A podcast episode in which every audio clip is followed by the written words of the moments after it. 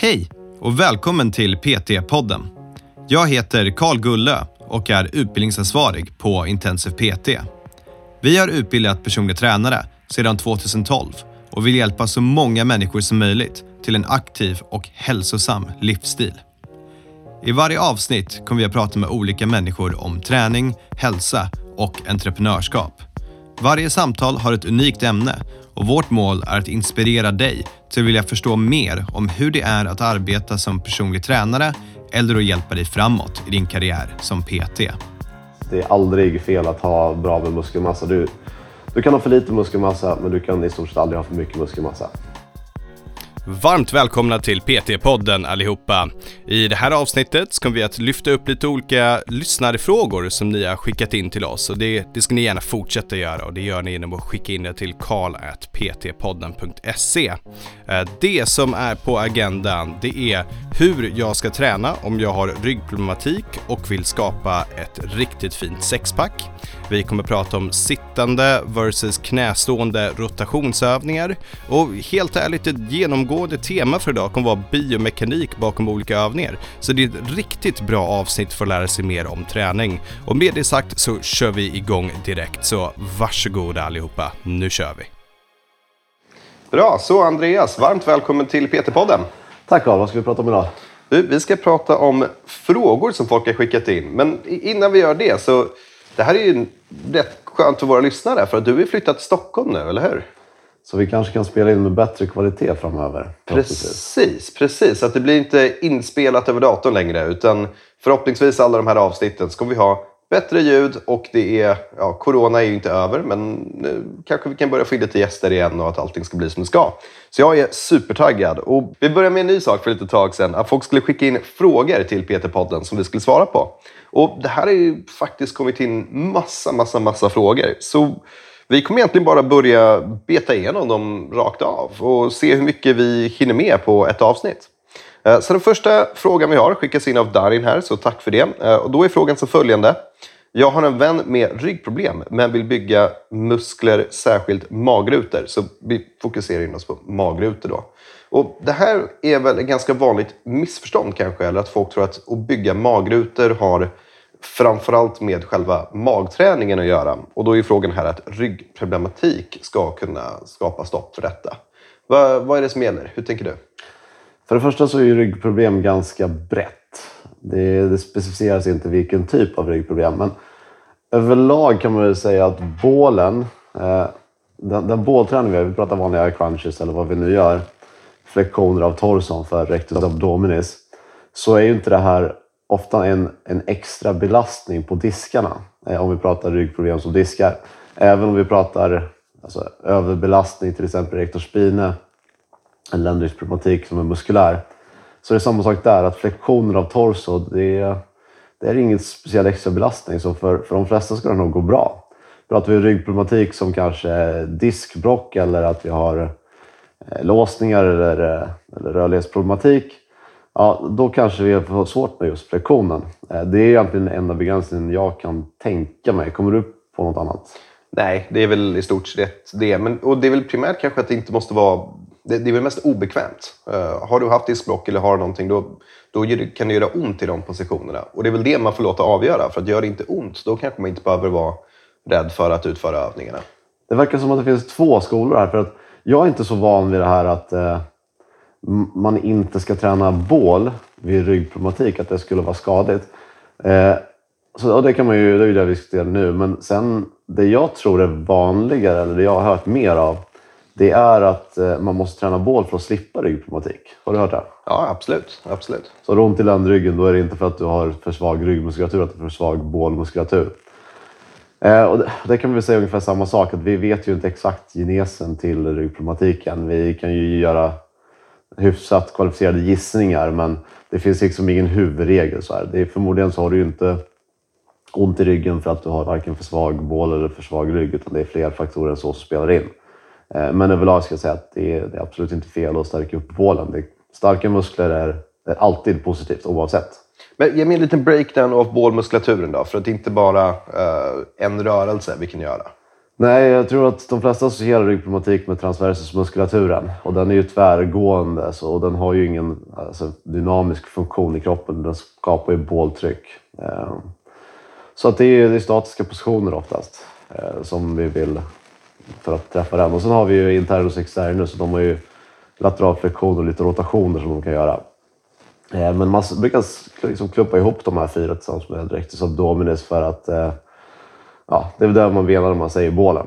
För att de tillsammans de sköter egentligen alla funktioner som, som händer i, från bålen upp i torson. Eh, så så man ska nog försöka få med alla, alla fyra. Men okay, så nu har vi ändå fokuserat in oss på ryggproblematiken, men det var egentligen inte det som var frågan. Frågan var uh, hur får jag magrutor och nu med en liten frågetecken av även om jag har ryggproblematik. Uh, men det är väl ändå inte plankan och crunches som oftast gör att någon får ja, synliga magrutor? Det är, magrutorna är ju rectus abdominis så det är ju en flexion av torson som, som gäller. Så det är gamla hela situps på massa olika sätt med kabeldragare i maskin eller på golvet eller hur man vill göra det. Ehm, så det är primärt där huvudarbetet ska, ska utföras och vi tror att det är oftast okej. Okay. Ehm, och vet vi inte exakt vad det är för ryggproblematik. Men om, um, om jag gör 100 crunches varje dag uh, men äter pizza varje dag, kommer jag få supersynliga magrutor då? Magrutor kommer du kanske få, uh, men om de syns eller inte, det är ju en fråga om subkutant fett. Uh, så att de flesta har ju redan en segmenterad som är synlig egentligen bara att man har låg eh, fettprocent. Så att förmodligen så, så kanske det räcker för många att gå på någon hyfsad diet eller ha koll på sina kilokalorier så kommer de synas. Så den snabbaste vägen till sexpacket kommer genom köket. Håller du med? Absolut. Okej, bra. Så då hoppas vi att du kände att du fick ett bra svar på den. Eh, var inte otroligt rädd för ryggproblematiken och det här kan väl vara en specifik sak också, att när man skickar in frågor, ju mer specifik frågan är utifrån ett problem, så lättare blir det för oss att kunna ge ett specifikt svar på det. Ja. En generell fråga kommer ge ett generellt svar. Sen får, får man ställa generella frågor också, men det beror på vad man vill ha för svar. Ehm, då ska vi se, då har vi nästa fråga här som faktiskt håller sig i uh, lite skadevärlden. Uh, som är som följande av Emilia här. Um, jag skulle tycka det var superintressant om ni diskuterade styrketräning som skadeförebyggande träning. Eh, vilken ålder bör man vara för att börja och klara av att idrotta utan skador? Och kan man förebygga akuta idrottsskador eller förslitningsskador? Eh, så vi, börjar med det första då, vilket är ehm, styrketräning som skadeförebyggande träning. Ja, det är väl den bästa skadeförebyggande träning man kan göra. Eh, att stärka upp muskulatur. Vi har ju, alltså vårt skelett och våra leder det är ganska rigida strukturer och de, de håller. Eh, baserat på att vi inte gör saker biomekaniskt ofördelaktigt eller att vi gör högrepetitiva moment, alltså förslitningsmoment, att vi inte återhämtar oss. Men baserat på att allt sånt fungerar så är det muskulatur det som stabiliserar och stärker upp och avlastar det här. Så ju mer muskelmassa desto längre kommer kroppen hålla. Och ser vi till att sköta den muskulaturen, att, att vi inte gör dumma saker, så, så kommer den hålla oss så skadefria som vi kan vara. Sen så kan man väl också bara lägga en liten asterix där vid eh, skadeförebyggande träning. Att även om det lär förebygga en skada så vet man ju aldrig riktigt när en skada kan uppkomma. Så det kan ju vara så att man hade fått en skada ändå eller att man inte hade fått någon skada alls oavsett om man hade gjort styrketräningen eller inte. Ja, det finns faktorer som vi inte kan påverka men då har vi i alla fall gjort allt som vi kan. Att vi har bra muskelmassa och vi utför saker biomekaniskt korrekt. Så då har vi i alla fall minimerat risken, så kan vi säga. Ja, ja, mycket fint. Ehm, då hoppar vi in på nästa del av den som är vilken ålder bör man ehm, vara för att kunna träna av att... Eller, vi, tar om den. Då hoppar vi vidare till nästa fråga. Vilken ålder bör man börja träna för att klara av att idrotta utan skador? Alltså det, det finns ju inget här ålder du bör börja träna. Så det är inte för sent som dig som är 20 år gammal eller 40 år gammal att börja träna. Att, att du då skulle ha en större skadebenägenhet så länge du gör saker korrekt. Eh, så att det finns nog ingen riktigt... Eh, ingen korrelation mellan när du börjar träna och, och skador. Det handlar nog mer om hur du har gjort saker.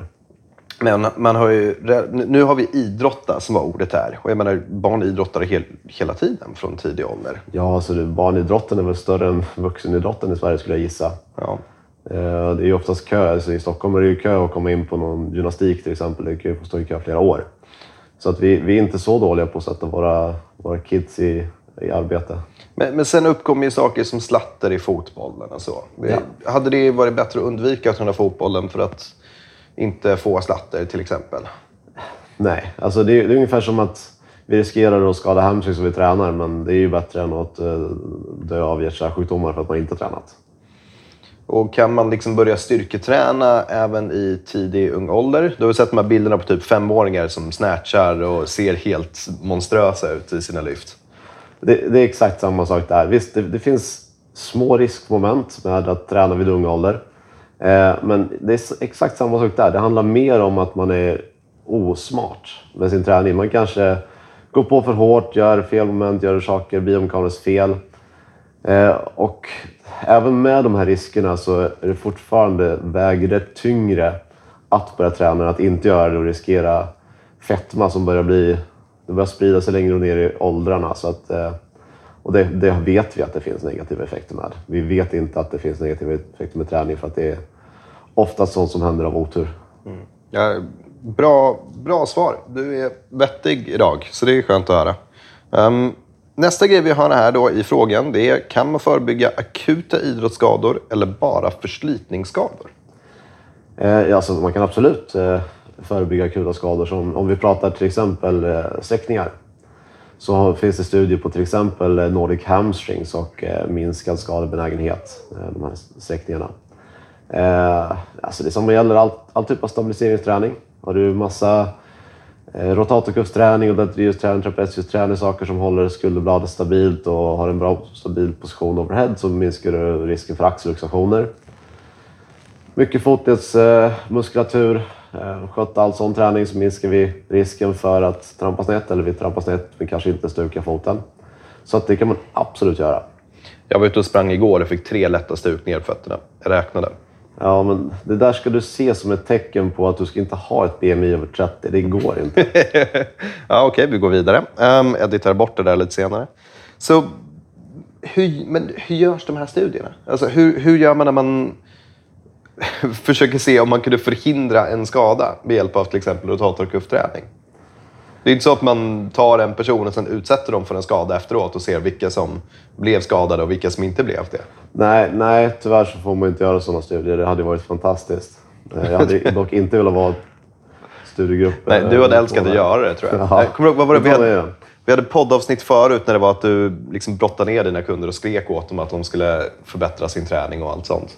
Jag kommer inte ihåg vad det där var. Det var det här känner jag inte igen alls. Ja, det här var någonting som var väldigt kul. Se om någon lyssnare kommer ihåg exakt hur det var. Ja, men du höll på att bryta armen på dina klienter. Okej, okay, jag kan ta den här. Eh, det, det handlar om, eh, om compliance och hur, hur, mycket förtroende man får som PT. Så var det. Där och, har vi det. Eh, om vi har den i podden redan så får jag ta den väldigt, väldigt snabbt. Men jag byggde upp ett så pass förtroende för mina kunder att jag sa vid ett tillfälle en person som hade ont i axeln så att ja, jag vet exakt vad det där är för någonting. Jag ska fixa det åt dig efter när vi är klara. Och sa att ja, jag, måste, jag måste sätta din axel ur led så att jag kan massera din eh, subscapularis och sen så ploppa tillbaka den igen. Och det, han, han köpte det här. Ehm, han gjorde sig förberedd. Han fick lov att ligga ner för att jag sa att han skulle kanske svimma av smärta. Och ändå så var han helt okej okay med att jag skulle dra hans axel ur led. Jag vet inte om det här är helt etiskt rätt att göra med sina klienter, men det Nej, det var kul. jättekul. Det var faktiskt inte en klient, det var en person på gymmet. Okej, okay, men det är ändå en ganska ja, rolig story om inget annat. Men eh, tillbaka till de här studierna. Det, alltså det är ganska enkelt att göra observationsstudier här. Att vi kan se vad folk har, eh, har tränat. Du kan skicka ut ett, ett frågeformulär för att ta ett väldigt enkelt sätt att göra det på. Och vad de tränar och vad de har för skador. Eh, så kan du titta specifikt på kanske då externala och internala rotationer i GH-leden och se korrelationen mellan axelluxationer. Så det är, det är ett superlätt sätt att göra på. Så finns det massa andra också, men det är en annan podcast.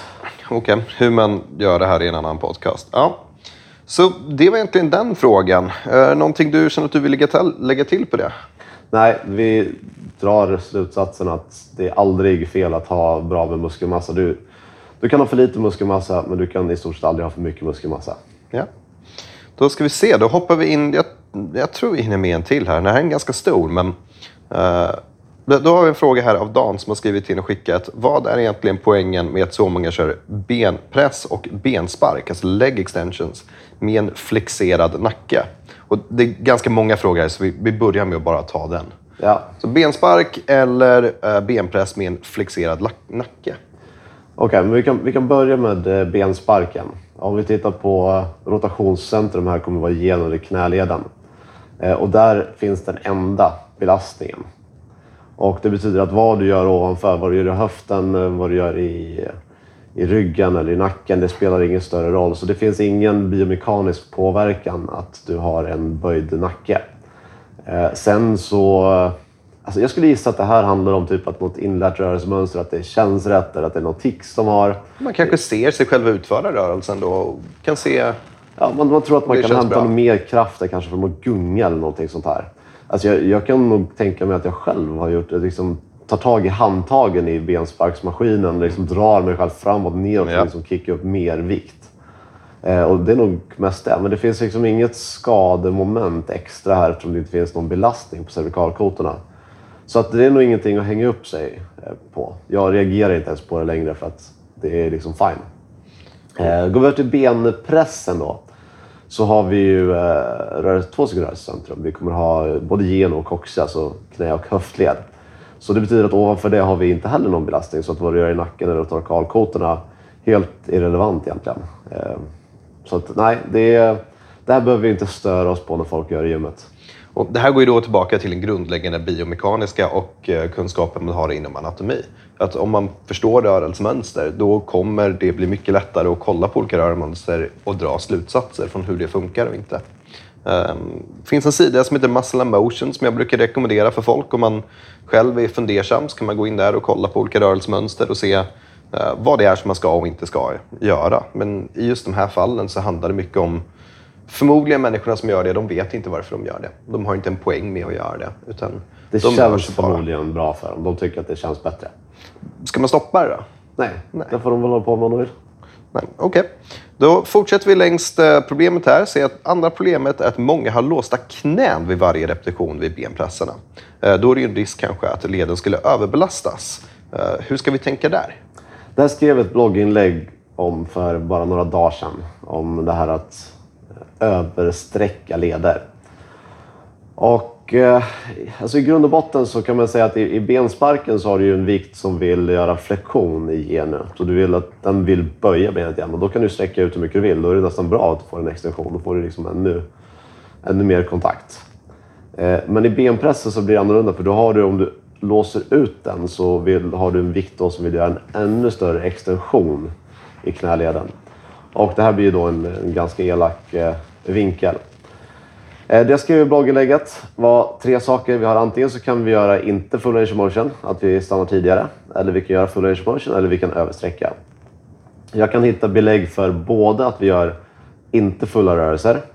Eh, Det finns vissa idrotter till exempel där du aldrig jobbar i en full range of motion, att du inte sträcker ut helt extension i genu. Och vad för idrotter? Ja, men säg en slalomåkare eller en hockeyspelare eller någonting sånt här. Det är väl sällan att vi Ja. ser en riktigt helt fullt ut. Framförallt då, alltså skidåkning, slalom och störtlopp och sånt. Och för dem kanske är det eh, fördelaktigt att då kanske inte göra det. Vi har, om man skulle titta på time under tension, vilket jag inte är någon superfan av att titta på, men då får du ju en större belastning eftersom du aldrig får ett vilomoment. Eh, om du gör halva reps eller aldrig utsträckt. Eh, så jag kan, jag kan köpa att folk vill göra det. Och sen så kan jag köpa känslan när man gör med, kör med en klient. Hur illa man vet att de mår när de bara får ligga och pumpa mellan typ eh, 90 och, och 120 grader. Så, så ska de bara köra små korta reps och det är, man ser smärtan i deras ansikte. Så det är rätt kul. Eh, så jag köper att det finns eh, en, eh, en anledning till att köra halva reps. Jag köper att det finns en anledning till att låsa ut för att då får du ändå du får full range of motion, vilket förmodligen är fördelaktigt för de flesta. Och du får, om du ska göra ett tung 5-rep eller tio rep eller någonting, så förmodligen kan du göra med en tyngre vikt om du får den där sekundens återhämtning. Både lite, lite muskulärt men också den psykologiska. att Okej, jag ska göra den här repen, så tar en rep i taget och sen så är det klart. Eh, Men det finns ingen anledning till att, att översträcka i egentligen någon av de här övningarna där, där vi har något externt moment som försöker göra en större extension. Men nu, nu pratar vi då eh, en isolerad rörelse här i benpressar till exempel. Men, Ja. Eller någorlunda isolerad rörelse. Men om vi kollar på ett knäböj till exempel, eller ett bänkpress. Där frågar folk ofta, eh, ska man verkligen låsa ut i de övningarna? Skiljer det sig någonting? Bänkpress blir ju samma sak egentligen. Eh, Och där skulle jag kunna tänka mig att om du tittar på en, en smal bänkpress så skulle risken för att du gör en överextension där bli, bli större än att vid bred bänkpress. Men det är inte överextension nu. För det, vi har kommit överens om att överextension kanske vi ska undvika. Men nu pratar vi bara full range of motion och låsa ut Ja, det ska man absolut göra. eller knät. Men varför är folk rädda för det tror du? Jag tror att det är den här, de här skräckexemplen de har sett på Youtube när knät viker sig bakåt i benpressen. Sen i, i knäböjen och benpress det är två olika saker. För att i, i knäböjen, just för att det är i gen och den är ganska isolerad där, så att om vikten hamnar fel, så det enda som kan hända i din kropp då är att knät viker sig bakåt om något ska vika sig. Men gör du det i knäböj till exempel så då kan det ge efter i, i höften, vi kan tappa liksom ryggen framåt. Vikten är inte isolerad mot din knäled utan den är på din nacke. Så där är det väl snarare att vi, vi ramlar omkull eller något annat händer om, om knät inte skulle, eller benen inte skulle falla trycket. Eh, så jag, jag tror att det kommer därifrån. Det, och sen så ser det ganska läskigt ut om vi böjer armbågen eller, eller vi lossar ut helt och hållet. Det, det kanske inte ser skönt ut. Du kanske tror att det finns en extra belastning att vi inte ska låsa leden. Men det, är- det är inga problem. Eh, det är ju en bra position att vila i. Och det är, när man gör för tunga knäböj så kan man till exempel på en sekunden vila och organisera om och spänna magen. Och då vill du vara i den starkaste positionen du kan vara. Och det är väl ändå när du har extenderat ut allting. Ja, och det är inte så att det, speciellt i knäböj, det är inte så att det är en 100% viloposition. Det kommer fortfarande finnas kontraktioner i muskler för att du ska kunna stå där. Du kanske har 200 kilo på ryggen. Det är inte så att muskeln bara lägger av. Så att den, är, den är med där. Jag, jag köper inte att, du, att det skulle vara dåligt på något sätt att ha full range of motion. Ehm, om inte man kanske är överrörlig över någon led och kan hyperextendera den leden då. Alltså även då så... Jag kommer ihåg förut när alla pratade om överrörlighet och det var så livsfarligt att göra armhävningar och sträcka ut. Liksom, om man kom förbi en rak arm och så Ja, kanske över tid så kanske man inte ska göra det. Och framförallt inte om man har jättemycket belastning och använder det som en vilopunkt och stå där på leden. Men ingen av de som jag har tränat med överrörlighet har haft någon typ av smärtproblematik med just den här överrörligheten. Så att, nej. Folk är, rädda i onödan för det här.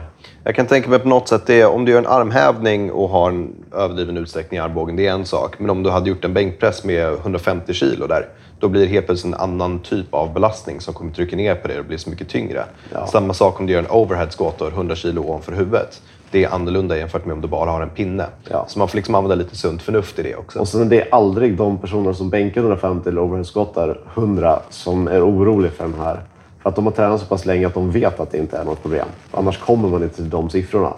Det här är ju ofta bland, eh, bland nybörjare som har funderingar runt det här. Ja, det är väldigt sant. Eh, Om vi fortsätter, det, det här verkar vara mycket biomekanikavsnitt, men då har vi sittande versus knästående rotary torso, så alltså bålrotationer. Eh, så i princip när man håller i en ja, hantel eller skivstång eller vanligt ska man antingen sitta eller vara knästående och så gör man rotationer i bålen. Då. Eh, och då fortsätter frågan som följande. Att flera tycker det är dåliga övningar men jag anser just att knästående är helt OK om man har neutral rygg. Eh, sittande gör bara ont hos mig så det, ja, det, det blir inte det. Ja, vad, vad har vi här då? Vad skill- Först och främst, skiljer det sig någonting med de här? det gör det. Eh, Det skiljer ju absolut ingenting mellan eh, knästående och stående. Om vi tittar på vad som händer så händer det ju ingenting nedanför höften här, eller ska inte. Det här är ju en överkroppsrotation. Så det betyder att från och med höften och neråt så kommer det inte hända någonting. Knäleden kommer vara helt isolerad. Så att om du har en flexion eller en extension i, i om vi sitter eller står, det, det blir exakt samma sak. Men när vi sitter, om vi, om vi förutsätter att personen sitter med benen rakt fram så har vi då en flexion i coxa i höften. Och när vi då tillsammans med flexion eh, har en rotation, om vi inte kan isolera den här flexionen till coxa utan vi kanske får en påverkan på ländryggen, eh, så kommer ländryggen hamna i lite mer utsatt position. Sen ska man komma ihåg här att vi har ju ingen, ingen liksom kraft rakt ner som komprimerar diskar utan det är mer en rotationskraft här. Så att jag tror att även om det skulle då bli en flexion tillsammans med rotation som många är livrädda för så det är nog ingen jättestor fara för den.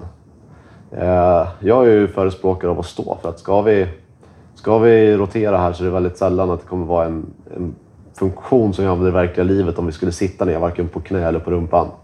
Eh, vi kommer aldrig behöva prestera i den positionen i stort sett. Men det kan absolut på, det kan förekomma rotationer av torson i stående position om vi ska lyfta saker, bära saker, flytta saker. Så att eh, få det så liv, likt livet som möjligt att stå upp och göra de här rotationerna om du gillar dem. Men, men vad är din sammanfattning på sittande versus knästående? Eh, du ska i sådana fall stå på knä. Ju, ju närmare stående position du kan komma, desto bättre enligt mig. Okej. Har du någonting att tillägga? på det? Jag, jag känner att jag sitter och svarar på de här frågorna. Jag kanske gör det perfekt. Eh, ja, hyfsat bra i alla fall. Tack. Eh, men men jag, jag är ändå nöjd med dina svar. Jag har inte jättemycket att lägga till i de här. Det, men det finns ju också typ Russian twists, är en klassiker. När Ja. du eh, har flexion i bålen och gör rotation. Eh, det har jag för mig en övning du inte är ett jättestort fan av. Nej, jag tycker att det är svårt att hålla. Liksom, att om jag ska göra de här typerna av positioner så vill jag gärna kontrollera ryggen bättre än så. så jag, jag, igen, det är, min version av det här är då stående med, med skivstång som är isolerad mot ett hörn. Um, Alltså, Russian twist skulle jag inte göra varken på min egen träning eller med mina klienter. Jag tycker helt enkelt inte om det. Jag tycker det är svårt att, att kontrollera den. Ja, ja men då så. Eh, hörni, jättekul att ni skickar in frågor. Vi har ett gäng till som vi behöver gå igenom, men det får bli ett annat avsnitt. Eh, om du har någonting du funderar på som du vill att vi ska svara, då är det bara att skicka in det till karl.ptpodden.se så lovar vi att hjälpa dig så gott vi kan i alla fall. Eh, och med det sagt så tackar vi för idag. Så får ni ha en fantastiskt härlig vecka. Ha det bra!